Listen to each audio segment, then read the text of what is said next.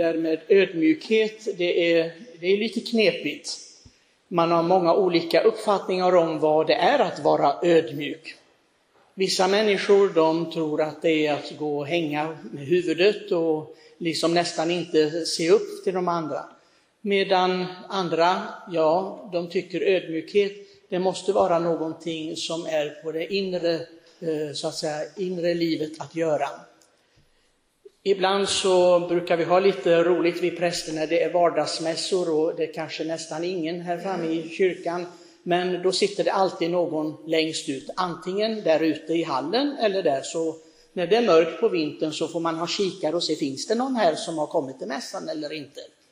Och eh, jag gick fram till en och frågade, kan du inte sätta dig där framme? För det är väldigt tomt i kyrkan. Nej, men av ödmjukhet vill jag sitta här. Du, det har ingenting med ödmjukhet att göra. Det har bara med dumheter att göra, inget annat. För ödmjukhet är någonting helt annat. Vi läste idag, ta inte den främsta platsen och många kanske tror att det har med just platser, bänkar och eh, stolar att göra, men det har det inte. Herren förklarar ju senare det här med banketten. Det är en inre inställning. I Sverige har vi ju lite problem med det här, jantelagen som ni vet. Jantelagen som säger du ska inte tro att du är någonting, att du är för mer än andra. Alla är vi lika värda, ja. Men den här så att säga ödmjukhetens lag ska inte användas till att går det, det så att säga, motsatta hållet då vi säger att jag är ingenting värd, men jag har ingenting att komma med. Det är precis motsatsen till ödmjukhet. Det hoppas jag att alla förstår. Därför att det är en anklagelse mot Gud att säga, du har inte gett mig det du kunde ge mig när du skapade mig. Det är en anklagelse mot Gud helt enkelt. När jag säger, jag är ingenting värd, jag är inte värd lika mycket som de andra, jag kan inte lika mycket som de andra. Det är inte alls ödmjukhet. Det är högmod i allra högsta grad. Därför att man tänker, Gud kunde ge mig mycket fler gåvor och jag kunde vara någon mycket mer betydande person om Gud bara hade velat. Om Gud bara hade gett mig den gåvan. Så det är då sannerligen ingen ödmjukhet att säga så, eller tänka på det viset.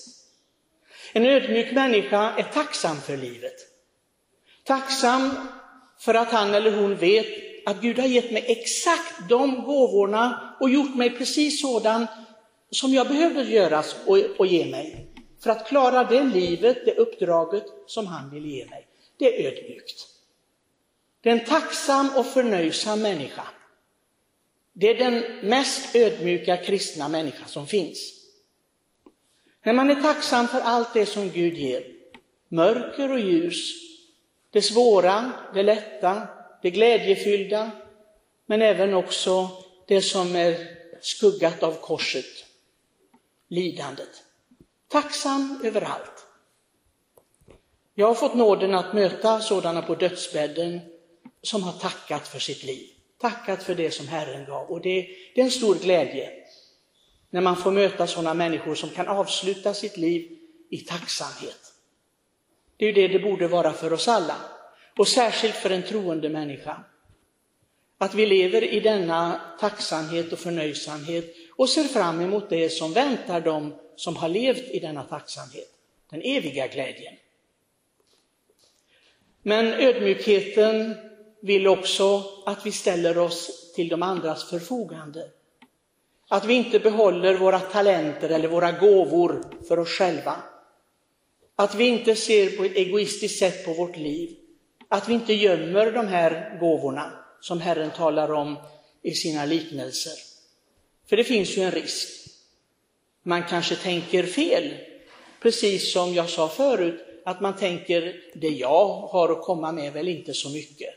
Det finns de som kan bättre än jag. Men så tänker inte en ödmjuk människa. En ödmjuk människa ställer sig hela tiden till förfogande. Visst, det kan finnas de som gör det mycket bättre än jag eller kan saker och ting mycket bättre än jag. Men det har inte med saken att göra. Nu är det jag som får det här tillfället att tjäna Gud. Att tjäna Gud genom de andra, att göra, ge mitt bidrag så att säga. Ofta så tänker jag lite med lite ilska på alla de som är musiker. Jag tänker vi skulle i våra kyrkor kunna ha mycket mer musik och, och, och tillgång till det, de som spelar och sjunger. Men de som kan det, de bryr sig inte. De tycker kyrkan kanske inte är så mycket att tjäna Och får jag inte betalt för det, varför ska jag göra det då? Tänka vilken brist på ödmjukhet. Brist på att ställa sig till Guds förfogande. Jag tänker ofta de som har den här förmågan att spela och sjunga, de ska ställas till svars. Har du gjort någonting för min ära eller är det bara konserthus, är det bara Bespira du vill spela och sjunga? Därför att du fick betalt för det, för att du blev känd? Är det det det går ut på? Har du gjort någonting för mig? Och nu vill du ha belöning i himlen, för vad då? För någonting du har fått betalt för? Du har inte gjort det för min ära. Jag tänker på alla de som vi har som gör frivilligarbete i våra församlingar eller bland sjuka och äldre, bland fattiga och så. Jag tänker, tänk vilken belöning de ska få. De gjorde liksom för att ställa upp, för att ge sig själva. Vilka ödmjuka människor. Och de tänker säkert, precis som jag många gånger som präst tänker, det finns många präster, många som skulle kunna göra detta mycket, mycket bättre. Men så tänker inte en ödmjuk människa. Om man vill gå den vägen, ödmjukhetens väg, tänka, ja nu har Herren ställt mig här och Herren vill att jag ska göra vad jag kan. Jag gör det för hans ära. Jag hjälper till. Ställer mig till förfogande. Och det är det Herren förväntar sig av oss. Han förväntar sig inte underverk och många gånger så säger jag, Herren liksom förväntar sig inte att han ska hitta en, en rad med nobelpristagare som ska göra sin insats för oss. Nej, nej, nej. Han bryr sig inte om nobelpristagare tror jag. Inte mer än han bryr sig om någon annan.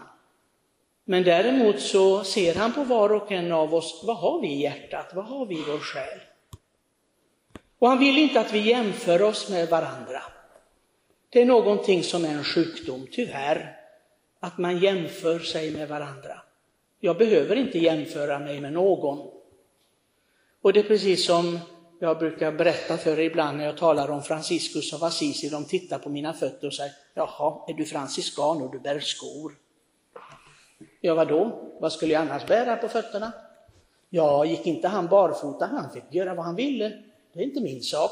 Om han gick barfota eller sandaler, vad har jag med det att göra? Jag ska inte efterapa någon inte något helgon heller. Jag ska vara mig själv. Jag ska vara mig själv. Det är inga kopior av någon annan och vi ska inte vara kopior av någon annan. Var och en ska vara sig själv, men vara mig själv genom att försöka leva det uppdraget som Gud ger mig och göra det med kärlek. Med kärlek. Att jag är glad för att få tillföra någonting. Klockan 11 så ska vi fira en präst här, fader Tobias Unnerstål. Han har varit präst i 30 år. Och han brukar skoja med mig och säga, jag lever nog inte till jag blir 70 år, för ingen i familjen levde till de blev 70 år. Och så tänkte jag, det är bäst att vi gör ett firande nu då, för att eh, om det blir 50 år eller 60 år kanske inte jag lever. Men jag vill gärna göra det för min gode vän.